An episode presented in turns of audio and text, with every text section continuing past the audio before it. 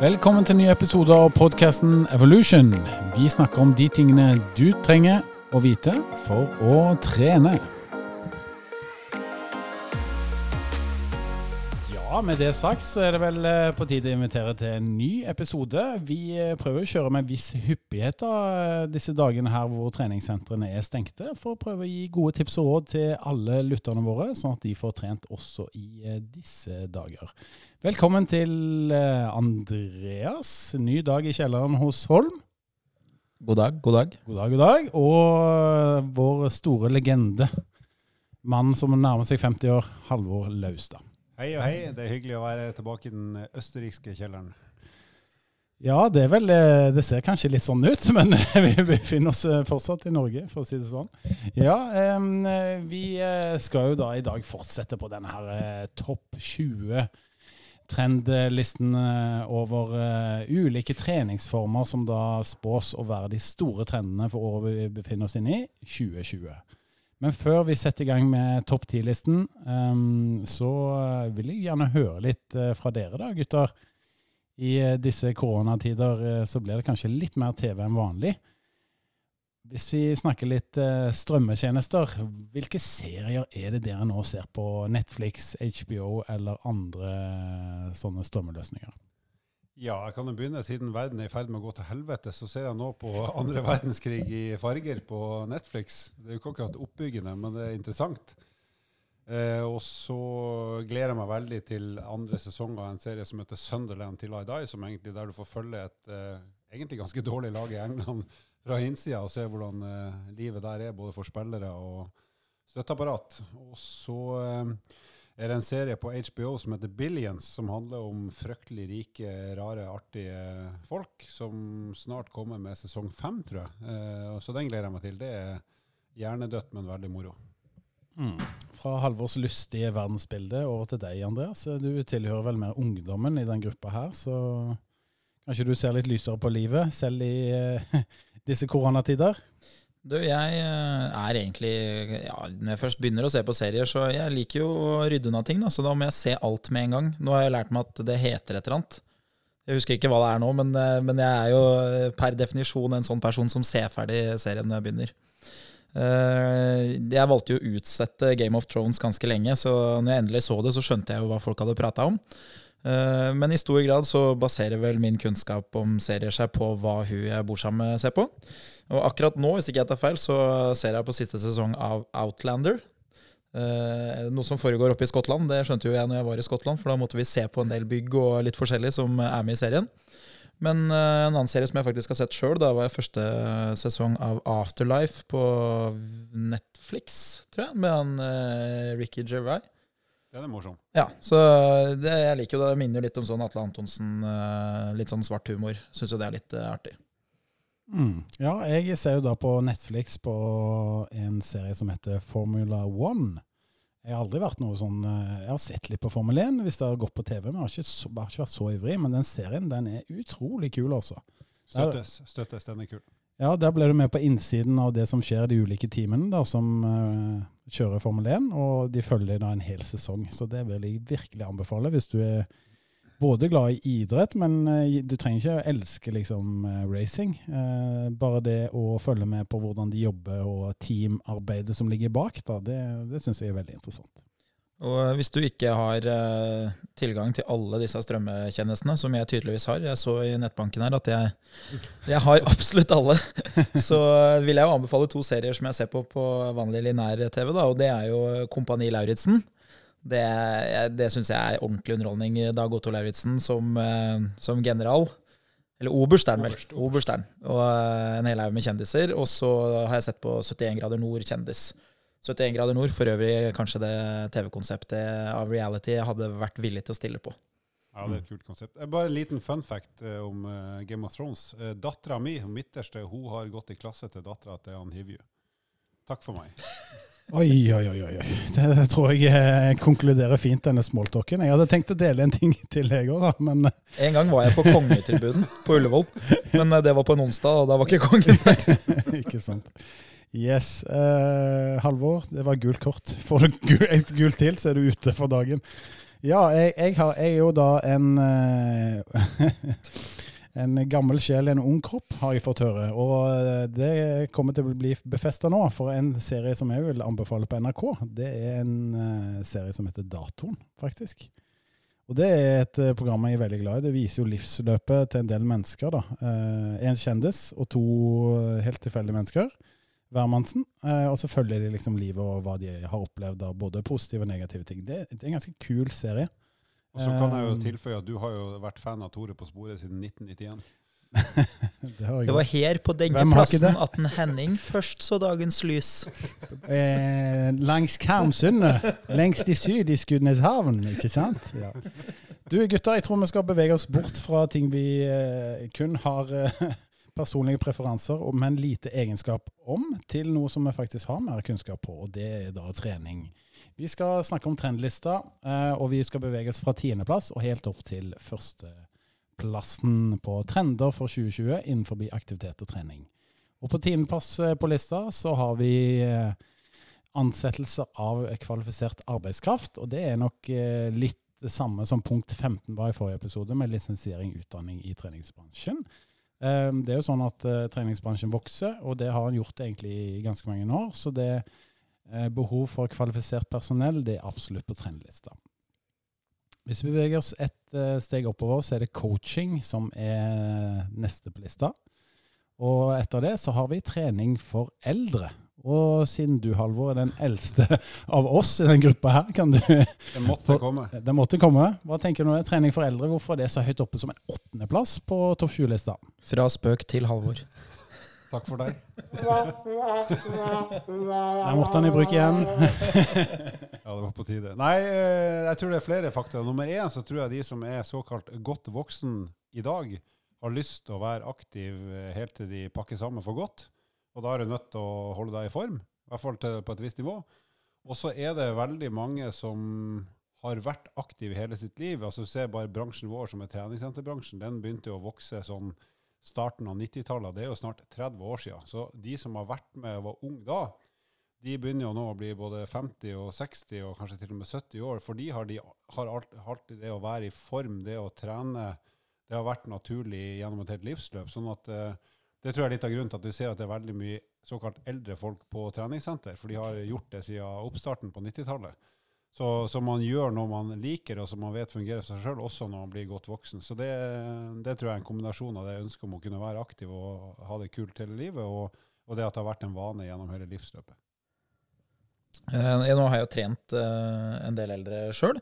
Faktisk møtt de på treningssenter, og eh, det er jo en, en veldig stor fornøyelse å få lov å være med noen som er litt eldre. Men eh, Takk. takk. Jo, vær så god. Det som jeg tror kanskje vil være en endring som vi vil se, da, det er jo som du sier at eh, en del av de som er eldre i dag, de har vært vant til at de måtte bevege seg tidligere. Eh, det var en del flere fysiske yrker enn det det er i dag.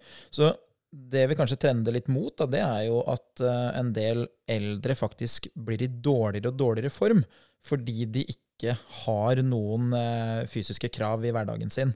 Og Derfor så kan det være smart å skape fiktive krav da gjennom eh, trening, som gjør at du opprettholder god fysisk form. Og Det som jeg har erfart, da, og en del studier viser, det er at hvis du trener jevnlig, én til to ganger i uka, trener litt eh, bevegelighet, litt styrke, litt balanse, så, så vil du kunne opprettholde et, et aktivt og sunt liv veldig, veldig lenge. Så selv om du er 75 år og begynner å trene, så vil du kunne bli såpass sprek at vanlige hverdagsutfordringer ikke er noe problem. Så der har du det. Trening for eldre. Det er eh, virkelig mer trendy, og det kommer nok til å bare øke faktisk de neste årene, hvis vi skal tillate oss å gjøre noen spådommer på, på disse trendene. Vi beveger oss fra åttendeplass til eh, syvendeplass, og vi skal dvele litt med den nå. Det er jo da kroppsvektstrening. Og det er jo da tema som vi har vært inne på, både gjennom sirkeltrening, men òg funksjonell trening, som var henholdsvis eh, plass nummer 17 og plass nummer 12 på topp 20-lista. Kroppsveksttrening det er jo kanskje litt mer spesifikt eh, i forhold til sirkeltrening f.eks., som kan være veldig mye forskjellig. Eh, og funksjonell trening som kan være mye variert. Eh, men kroppsveksttrening det er jo i stor grad relativ styrke vi snakker om her, Andreas, er det ikke det? Jo, det, det er nok mest kjent som, som styrketrening, hvor du bruker eh, kroppen som motstand. Eh, Den store fordelen med, med egenvektstrening eller kroppsveksttrening, da, det er jo at det kan gjøres hvor som helst. Så de øvelsene du lærer deg, de eh, kan du ta med deg både på ferie og på hytta, og de kan du egentlig gjøre på jobb òg, så det fins ingen begrensninger hvor du kan drive en sånn type treningsform. Det er vel egentlig det. For hvis jeg reiser til månen i et romskip, f.eks., Da så har vi en utfordring. Da blir det veldig lett, faktisk. Det blir mange repetisjoner. det gjør det. det skal vel du forhåpentligvis gjøre snart. Bare komme deg ut av kjelleren først. Der ser du hva som skjer med menn som pusher 40, som blir sittende fast i en kjeller. Det, Det er lenge siden jeg pusha 40. det er også sant. Ja. Nei, men eh, i forhold til da trening med egen kroppsvekt, det er jo noe som er veldig aktuelt eh, også i disse dager. Så Halvor, hvilke øvelser er det du har lyst til å snakke om, hvis jeg skal si eh, noen, noen gode øvelser som egentlig alle kan gjøre, da, uansett form? Hvilke øvelser vil du anbefale? Ja, hvis vi snakker kroppsveksttrening, så, så ville jeg tenkt eh, knebøy. Hvis du er sprek, så tar du spenst hopp. Og hvis du er kjempesprek, så kan du ta hopp og hink opp trapp. Eh, da har du tre varianter som trener hele strekkeapparatet. Det er jo mine favoritter og de familiære favorittene når vi skal aktivisere oss sjøl for så vidt både nå og når vi er på ferie og ikke har så mye annet utstyr å, å surre rundt med. Og så er det finne et eller annet, en eller annen form for stang som du kan holde i for å trekke opp egen kroppsvekt, eller få hjelp av andre til å trekke opp litt mindre enn egen kroppsvekt, litt avhengig av styrke. Da, da kommer vi langt, i hvert fall i mitt liv. Ja, og der går det an å, løpe, altså, å løfte kroppsvekten din eh, både vertikalt og horisontalt. ikke sant? Og da trener man på to ulike måter. Da, det kan jo da være body row, som man heter, eller pullups, som vi har vært innom veldig mange ganger. Mine families eh, altså familiære favoritter på ferie, det er sånn krepp, sånn eh, pannekake med Nutella. Eller så er det is. Wienerbrød. Men eh, hvis vi snakker om trening, da, så, så enkle øvelser som kan gjøres eh, overalt. Gående utfall, f.eks. Eh, eller at man kan leke seg litt, at man kan prøve litt eh, forskjellig i forhold til hvilke ting man har tilgjengelig. Så en ting som jeg har arrangert eh, hver sommer, det er sånn konkurranse med spensthopp. Så eh, for å få trent strekkapparatet, som Halvor sier, så får du tre til fem hopp. Eh, og så skal alle hoppe. Alle får tre runder, og så måler vi opp eh, hvem som hopper lengst. Og så måler vi også opp forbedringa. For uh, veldig ofte så er det sånn at du, du hopper litt lenger i runde to. Uh, og avhengig av hvor mye du har tatt i, så hopper du lenger i runde tre eller kortere. Da. Så da får man en liten konkurranse ut av det, og de fleste blir veldig støle i beina. Men en del blir også ganske støle i magen. For hvis du har god teknikk, så legger du overkroppen godt frem, og så må du trekke beina opp under deg når du lander. Ja, kroppsveksttrening det har vel aldri vært mer aktuelt enn det akkurat nå, hvor folk eh, må trene hjemme eller ute osv. Så, jeg anbefaler dere jo veldig å gå inn på Instagrammen til EVO og se om dere finner en del gode øvelser der. For de driver vi og legger ut egentlig nye øvelser nesten hver eneste dag, altså, for at du skal ha en del å velge mellom. Så der prøver vi å tenke litt for dere, rett og slett. Være litt kreative og by på kunnskapen vår, sånn at dere har et spenn av øvelser da å velge mellom. Har du noe mer her, Halvor, eller skal vi gå videre på Nei, lista? altså jeg tenkte faktisk seriøst, hvis man er litt tung og kanskje akkurat har kommet i gang, så om ikke annet så får du litt eh, større belastning når du gjør de øvelsene. Eh, så da kommer treningseffekten enda kjappere. Hvorfor så du på meg når du sa det? Eh, jeg vet ikke, Henning. Se deg i speilet. Ok, vi går videre på lista fra kroppsveksttrening som var på syvendeplass, til punkt nummer seks, som er trening som medisin. Ehm, den er vel kanskje lik den ene her uh, som vi gikk gjennom forrige gang, som var trening mot uh, livsstilssykdommer. Eh, men det har jo blitt veldig sånn aktuelt å tenke på trening som medisin, spesielt for en del grupper som kanskje ikke har så god helse. da. Ja, så er det, er, det aner, er det nå anerkjent også blant leger og annet helsepersonell at aktivitet, bevegelse, trening er bra for, eh, for rett og slett å rehabilitere en del tilstander hos mennesker. Så det er ikke bare det med å forebygge, men at det faktisk også funker som en slags reparasjon. Reparasjon og deretter av forebygging. Og Det som jeg syns er interessant med det punktet, der, det er at trening er jo så mye mer enn trening for utseende og bare se bra ut, som veldig mange forbinder trening med. Trening har store funksjoner i forhold til dette med helse. altså. Det, det er nok noe helt sikkert mange kjenner på i disse dager òg. At hvis man da f.eks. i disse koronatidene ikke har så god helse, så er det helt sikkert mange som tenker at ah, jeg skulle nok ha trent mer og vært i bedre form.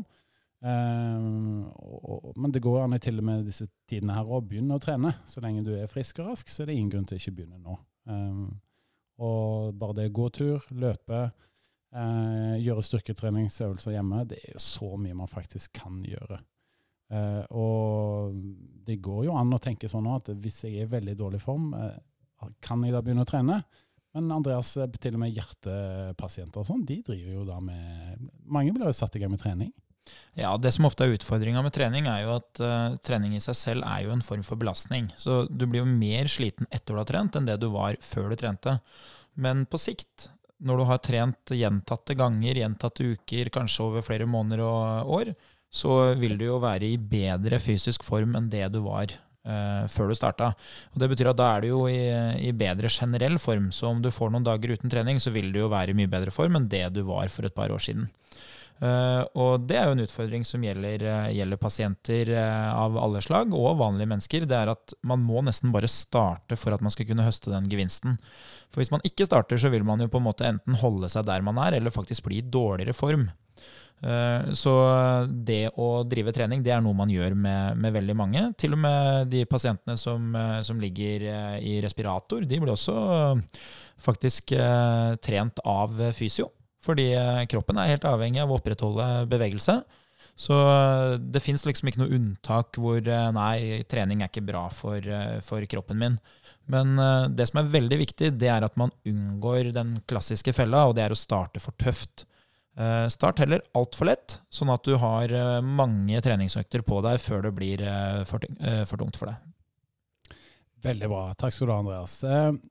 Da skal vi faktisk gå inn på topp fem vi, altså, av denne lista som American College of Sports Medicine har lagd for da de 20 eh, største eller fremste trendene for aktivitet og trening for 2020. Og eh, nå har vi gått gjennom eh, de aller fleste punktene. Eh, vi har gått gjennom alle, men vi har fokusert på noen, selvfølgelig. Fra 20.-plass og helt opp til femteplass som vi skal gyve løs på nå, og det er jo da personlig trening. Og Da har jeg lyst til å egentlig høre litt fra deg først, Halvor. Du har jo tidligere vært eh, produktsjef i eh, SATS. Nå er du produktsjef i EVO. Um, men du var jo det fra ja, hva var det? 2007? 19 pil og bue. Ikke sant? Og uh, frem til 2011, vel, hvis jeg ikke tar helt feil? Ja, noe sånt. Ja. Kan du fortelle litt om hva som har skjedd i PT-markedet fra da og frem til nå? Ja, det, det som markedet preges av, det er jo en vekst. Både i omsetning, i antall personlige trenere, og da åpenbart også i antall kunder.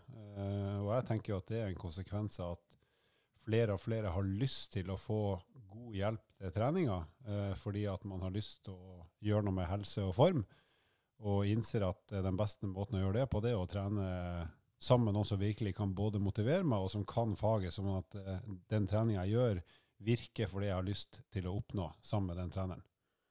Mm. Og som personlig trener selv og foreleser på PT-utdanning, så må jeg jo si det at eh, det er eventyrlig å se nummer én, hvor mange PT-er vi har i dag. ikke sant? Vi har 180 PT-er i EVO.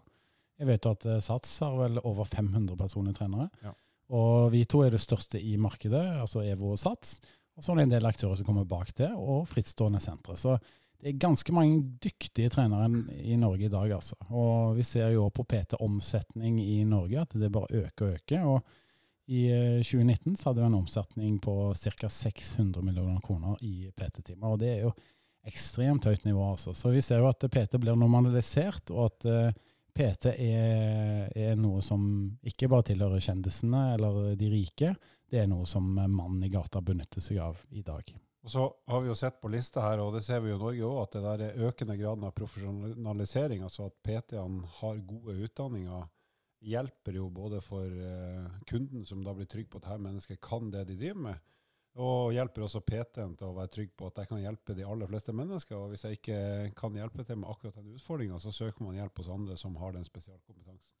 Samtidig som en trener alltid selvfølgelig skal være en god menneskebehandler. Det er ikke nok å bare kunne knebøy og løping. Du må på en måte få folk til å føle seg vel i treningssituasjonen. Ja, og, og, det som kanskje har gått opp for ganske mange, da, det er at um, det å bruke en PT det hjelper deg med, med noen ting som er ganske kritisk for å lykkes. Da, og det hjelper deg med kontinuitet. Da er det alltid en person som setter av tid til deg, og som, eh, som skaper eh, et behov for oppmøte og gjennomføring. Og eh, de studiene som er gjort på PT, da, de viser jo i stor grad at årsaken til at du lykkes med treninga hvis du har PT, i større grad enn om du ikke har det, det er fordi at man har kontinuitet. Det å planlegge det må ikke nødvendigvis være så vanskelig, men det å gjennomføre er i de fleste tilfeller en del vanskeligere. Ja, og jeg må jo si det at eh, selv om jeg er en erfaren PT selv og har drevet på det i uh, en årrekke, er vel en dinosaur å regne i, i vårt yrke, så, så, bruker jeg jo av og til da PT selv òg. Eh, selv om jeg er flink til å trene, jeg trener jo nesten hver eneste dag, så er det helt annerledes å trene sammen med en PT. For det er en annen person som setter treningsprogrammet, som pusher meg mer enn det jeg klarer på egen hånd eh, og sette agendaen for den økta. Så det å ha et ytre øye som ser på teknikken og følger meg opp, det er gunstig eh, selv for meg, som, som, er veldig erfaren, spesielt innenfor styrketrening. da. Og eh, En annen ting man ser, eh, og det er jo noe man anbefaler både de som, eh, de som skal i gang med treninga, men også noe man har sett hos de som klarer å opprettholde, det er jo å, å finne seg en treningspartner. Det er jo egentlig det samme som eh, Birgit eh, Skarstein nevnte når hun var på besøk hos oss. At det å ha noen å trene sammen med, det er ofte, ofte det at man skaper en sånn vi-følelse som gjør at man eh, knytter seg mer til å gjennomføre oppgaven. Og det å ha en PT det gjør jo at du alltid har en profesjonell part som alltid møter opp, og som alltid har en plan for, for videre utvikling. Mens hvis du trener med en venn, så vil det være veldig hyggelig, og i mange tilfeller så vil det gå veldig bra. Men det som kan være litt vanskelig, er jo hvis, eh, hvis den duoen består av to personer som eh, har lett for å falle fra, eh, lett for å ha ting som dukker opp som, som tar bort treningstid, så vil det være veldig vanskelig å få kontinuitet. Og idet man ramler av, så er det veldig lett å ikke finne tilbake igjen. da. Kloke ord fra en 22-åring. Hadde det bare vært så vel. Bra. Vi eh, skal gå inn på topp fire, vi da. Og den som akkurat havna utenfor eh, pallen her, da, på en litt sånn sur fjerdeplass, det er frivekter. Frivekter. Når jeg tenker på frivekter, hører ordet frivekter, så tenker jeg av en eller annen grunn på biceps curl. Og da må jeg snu meg til deg, Halvor. Ja, fordi at eh, for 39 år siden så drev jeg mye med biceps curl. Det er ikke tøft. Jeg, jeg så deg på fredag da vi drev og flytta på apparater. Så sneik du bort til speilet, og så kjørte du noen uh, biceps curl. Ja, men det gjør jeg jo. Det gjør jeg jo tre ganger i uka. Men det er jo bare for å holde på den lille harien der. Men ikke sant, i gamle dager så hadde jeg jo tilløp til noen overarmer som var mulig å se på avstand. Det, det har jeg jo ikke lenger. Bra. Men fra spøk til alvor. Eh, det er så eh, betegnende det du sa nå. I gamle dager, ikke sant? For det som er et liksom paradoks her, da, det er at frivekter det er jo det man gjerne forbinder med gamle dager. og Styrketreningens eh, spede første tid, de første dager, da var det liksom Arnold Schwarzenegger, og det var å pumpe jern, og det var bicep curl, det var brystpress, det var disse gode, gamle øvelsene som, som ble gjort da med frivekter, som gjerne var inn. Eh, men allikevel her så havner han på en fjerdeplass, Andreas, så det er jo litt eh, spennende. Ja, nå har jo ikke jeg noe, ikke noe grunnlag for å si at uh, det er årsaken, men uh, min erfaring da, og, og, det som jeg kanskje har uh, sett, det er at når du skal gå i gang med treninga, så er kanskje en del sånne frivektsøvelser faktisk lettere å begynne med enn apparater. Så når du er eh, gutt 16-17-18 år, kanskje 19, da, og du begynner på et treningssenter, så er det veldig lett at det første du begynner med, det er type biceps curl. Eh, jeg har også vært gjennom akkurat den samme epoken som Halvor snakker om. Eh, hos meg varte den faktisk en, en, god periode. da. Jeg husker Halvor er ikke ferdig ennå. Nei, han er ikke det, faktisk. Det er han ikke. Men eh, ja, tilbake i 2009 på, på Sognsvann, på idrettshøyskolen. Så jeg veit ikke om jeg skal være flau eller stolt over å kunne kjøre såpass mye bicepskull som jeg gjorde da, men eh, jeg heller mot at jeg er litt flau. Selv om jeg lever jo godt på det i dag, da, at jeg har trent eh, arma godt når jeg gjør andre øvelser. Hva mener du med det? Nei, hvis jeg skal gjøre sittende roing f.eks., så slipper jeg i hvert fall at det er bicepsen som, eh, som får det. Men uh, poenget her da, det er at uh, jeg tror veldig veldig mange unge gutter uh, ofte starter med den type øvelser. Så den trenden den dør liksom ikke ut, da. Selv om mange kanskje ramler over i, i andre trender som egenvektstrening, kanskje type crossfit. Så ser man at veldig mange de ramler inn i det sporet fra start. Og de som lykkes med det, de tviholder nok på det, akkurat sånn som man gjorde på 80-tallet. Så jeg, jeg, tror liksom at det alltid vil være der, og så vil det variere litt på hvor høyt det er på den lista. Ja, det som er litt interessant å se da, hvis vi ser litt sånn utafra og ser på bransjen, så er det jo det her med friveksttrening og trening med stang, altså vektstang med skive på, det har jo eksplodert eh, de siste åtte-ti årene. Det er to ting jeg syns er spesielt artig med det. Det ene er at jentene, damer, unge, voksne, gamle tar plass i frivektsavdelinga og trener med stenger for å bli sterk i sete og lår og hele kroppen. Så det er ikke sånn at det er bare gutter som holder på med det her lenger. Det her er helt vanlig for uh, jenter og damer å gjøre også, sånn at det får en fin miks i de områdene, og, og, at begge kjønn selvfølgelig har nytte av det. Uh, og så ser vi at når vi lager treningssenter, f.eks. i EVO, men helt sikkert hos de andre òg, så har vi nå, legger vi til rette for minst fire, fem eller seks knebøystativ eller stasjoner der du kan trene markløft, eh, knebøy, kne, trene med stang. Og det er mye mer enn for seks, sju, åtte år siden. Sånn at her, den trenden her den vokser og vokser, og det er egentlig bare fint. For det er jo en type trening som er utrolig bra både for styrke og helse og, og det meste, egentlig. Ja, altså Frivekter det er jo på mange måter god gammel styrketrening, eh, men det er da med, ved bruk av stang og manualer primært. da. Og her liksom, Det er liksom back to basic som er trenden her. da. Frivekter det er tilbake igjen. Mm. Da skal vi gyve løs på topp tre-lista, vi. Og på tredjeplass så finner vi òg en gammel klassiker, for å si det sånn. Det er jo da gruppetrening, faktisk, som, som er på bronseplass, for å kalle det det. Gruppetrening det er jo noe som spesielt meg og deg, Halvor, kjenner godt til. Vi er jo gamle gruppetreningsinstruktører, begge to. Ja, vi eh, har jo instruert i sykkel primært, eller spinning. Og så har jeg også vært eh, løpeinstruktør, eller både sykkel- og løpeinstruktør i samme time. Eh, jeg har aldri vært det vi kan kalle for aerobic-instruktør, i og med at koordinasjonen min ikke fins. Jeg kan gå i takt hvis det går sakte nok. That's it. Så jeg har eh, prøvd å være med på noen sånne koordinative eh, gruppetreningstimer, bl.a. når jeg prøvde å bli kjent med hun jeg bor sammen med nå. Eh, så var jeg med på tre på ei uke, og det er vel i grunnen eh, Hva skal jeg si om det? Det var i hvert fall jeg fikk for forsøket. Eh, men jeg endte opp med å stå bakerst i hjørnet sammen med en annen løk som heller ikke kunne bevege seg. Men hun skjønte poenget, at jeg var i hvert fall interessert. Ikke i hennes eh, trinn, men i resten hva menn gjør for å få en kvinnes gunst. Jeg har, eh, jeg har, bare ett spørsmål. For det som er at Jeg og Halvor har jo samme utdannelse. Og jeg har eksamen i aerobic. Har du det? Svaret er ja. Jeg hadde tenkt å la være å si det, men jeg har, og jeg har faktisk bestått. Eh, og da skal jeg fortelle hva slags sang jeg brukte for å vise hvor eh, kompetent jeg var som gruppetreningsinstruktør. Jeg brukte den Kirkvåg Lystad Mjøen-sangen 'Se torsken'. Se torsken, se torsken som den sangen jeg brukte for å instruere 45 stykker på idrettshøyskolen. Og jeg hadde invitert lærerne på idrettshøyskolen til å være med, så det var seks eller sju frivillige lærere som også var med. Eh, og den unisone tilbakemeldinga var at eh, som trening så var det her verdiløst, men det var relativt underholdende i fire og et halvt minutt. Og da er det andre spørsmålet. Hadde du Eva Ystborg, du òg? Korrekt. jeg fikk, Etter min eksamen så fikk jeg eh, beskjed om at ja, men det, du har stått til nød og neppe. Og så sier hun videre Men du, Andreas, du har aldri hatt en god opplevelse med dansing, har du det? Nei, det, det, stemmer bra, det. Og så sier jeg eh, ja, det var vel gjennomført, da, bortsett fra at du starta eh, feil. Så, så hele eksamen din er levert i feil takt. Ja, men uh, fra det ene til det andre. Jeg har jo vært sykkelinstruktør, sånn som Halvor har vært. Og jeg husker jo med glede sånne sene høstkvelder med full sykkelsal, 35 personer på timen skikkelig bra trøkk uh, og litt sånn dugg på vinduet fordi folk svetta så mange på likt. da. Det, det var gøy Halvor, å være gruppetreningsinstruktør. Jeg skjønner at folk liker dette. her. Det er kjempeartig. Det er artig å trene sammen med andre. Det er artig å kunne inspirere andre, enten det er én til én eller én til mange. Mm.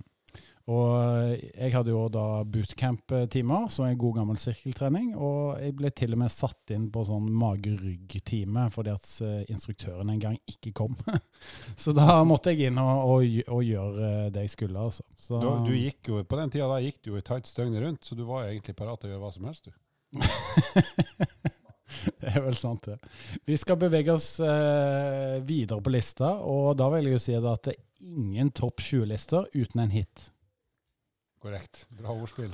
Bra. Og nummer to på lista. Nummer to på lista er jo da hit. Eh, og hit det er jo en type trening, da. Det er jo ikke en sanghit, eh, dessverre, får man nesten si. Eh, hit er jo da en treningsform som har blitt ekstremt populær de siste årene. Og nå går han da helt opp til andreplass eh, på lista. Og hit det står da for High Intensity Interval Training. Um, hit, har du noe erfaring med det, Halvor? Ja, trening, intervalltrening med høy intensitet det er vel noe vi gjør uh, i hvert fall ukentlig. Uh, jeg tror litt av bakgrunnen til at det er så populært og kommer til å være det lenge, er at det er jo veldig effektivt i form av at du får gjort mye med høy intensitet og kvalitet på ganske kort tid. Så hvis du tenker at nå skal jeg virkelig få gjort mye på en halvtime, så vil mange tenke at da kjører jeg en eller annen intervallvariant der jeg får blåst ut ganske godt, men likevel får jeg gjort masse på ganske kort tid. Ja, det er sånn tiden vi lever i, da, hvor eh, folk har, lever travlere og travlere liv. Da gjelder det da å få gjort unna treningen i en travel hverdag. Og hit er jo da en måte å trene med høy puls på, og få gjort eh, økta veldig effektivt, rett og slett. Så, så det er vel det det går ut på. Og mange eh, PT-timer som vi har snakket om, som har blitt mer og mer populært, de består jo egentlig av et hit-program. Altså ikke alle, men mange PT-er kjører mye på det. Eh, og da dreier det seg gjerne om å sette sammen en del styrkeøvelser som man gjør eh, eh, på rekke og rad, og så tar man en lengre pause etter man har kjørt kanskje tre, fire eller fem øvelser. Hit, Andreas, er det noe som, som du har erfaring med òg, eller? Ja, det er jo noe jeg har brukt, uh, brukt en del i PT-timene selv, og det er i hvert fall noe jeg har observert hos mange andre PT-er. Så eh, det har nok blitt veldig populært. Det er jo sånn at når du har en PT-time, enten om det er på 50 minutter, som kanskje er mest vanlig, eller da 55 eller 1 time, eh, eventuelt om du har eh, halve timer, så, eh, så ønsker man jo å få til mest mulig. Man vil gjerne kombinere kanskje både styrketrening og litt, litt høy puls. Og da er jo type hit-trening ganske, ganske greit, da. Da får man jo både litt styrke, og man får trent litt kondisjon. Mm, veldig bra. Så hit er absolutt eh, helt der oppe, og det er veldig populært. Ser, eh, vi ser ingen eh, grunn til at det ikke skal være høyt på lista også neste år, når vi snakker 2021. Da er det på tide å gå for gull, rett og slett. Vi skal se på hva som er den største trenden i 2020, ifølge American College of Sports Medicine. Og det er da bærbar teknologi. Ikke overraskende, kanskje. Ikke overraskende, Andreas. Nei, definitivt ikke. Jeg husker jo ikke lista i fjor i hodet, men eh, den har jo klatra ganske hissig de, de siste årene. Og eh, ja, anslagene for salg av eh, wearables her eh, i fjor var jo Hvis ikke jeg tar feil, så lurer jeg på om det ble solgt noe sånn som fire-fem millioner eh, sånne klokker i Norge. Så hvermannsen kjøpte jo ikke bare én, men kanskje to til seg sjøl i løpet av et kalenderår.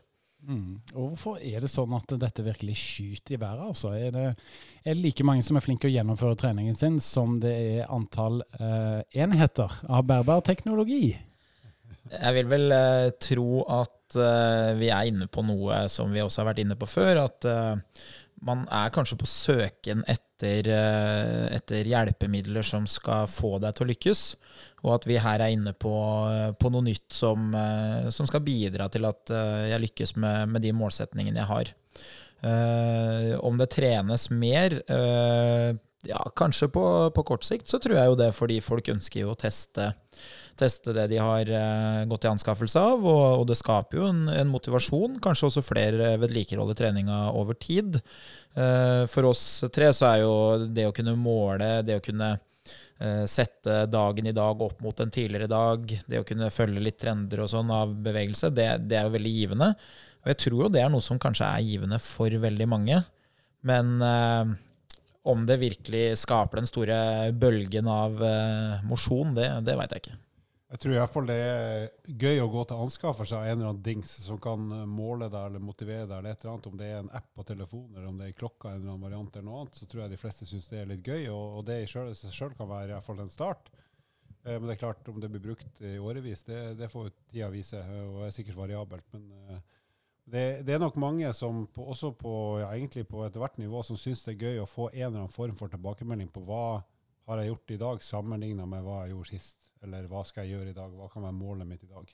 Og denne her, um, bærbar teknologi har faktisk vært på topp én helt siden 2016. Så dette blir da fjerde eller femte året på rad der det er, er øverst, rett og slett. Så dette er noe de aller fleste har, tror jeg, i en eller annen form. Ja, så for vår del, er vi jo godt kjent med det. Nå har jo mange av oss brukt pulsklokke i snart ja, tipper to tiår. Kanskje Halvor er inne på tre tiår. Helt siden Polar klinka til borti, borti Zoom-land. Men det som, det som er jeg syns da personlig er aller, aller best med type klokke eller aktivitetsbånd eller mobiltelefon og sånn, det er jo at de aller fleste har en, en skritteller. Uh, og i veldig mange tilfeller så vil det bidra til at folk får kalibrert seg litt. Uh, for det man ofte ser, er at det å føle seg fram til hva man har gjort, det er veldig vanskelig. Uh, så hvis du har gjort ting hjemme, eller du har gjort mye på jobb da, som har foregått mellom øra, så vil man seg, føle seg ganske sliten. Mens hvis man da har en klokke eller en mobil som sier at i dag har du gått 3200 skritt, så vil du svart på hvitt se at den fysiske bevegelsen du har levert, den er ikke veldig stor. Sånn at hvis du har et mål om å holde kroppsvekta, eventuelt gå ned i vekt eller bli i bedre fysisk form, så, så vil du på en måte kunne kalibrere deg sånn at du hele tida klarer å være i nok bevegelse. Da. Veldig, veldig bra. Så topp ti-lista fra toppen. Da var det ansettelser av kvalifisert arbeidskraft i treningsbransjen. Nummer ni coaching. Nummer åtte trening for eldre. Nummer syv kroppsveksttrening. Nummer seks trening som medisin. Nummer fem PT, velkjent for oss, egentlig alle sammen. Nummer fire frivekter. Nummer tre gruppetrening. Nummer to en ordentlig hit. Hit-trening, med andre ord. Og nummer én bærbar eh, teknologi. Med det sagt så er det vel eh, på tide å takke for oss, Andreas. Hva sier vi da? Sayonara. Husk å abonnere på podkasten på Spotify eller på iTunes. Og husk på det, fortsett å sende inn gode spørsmål på EvoFitness sin Instagram eller på Facebook. Til neste gang god trening!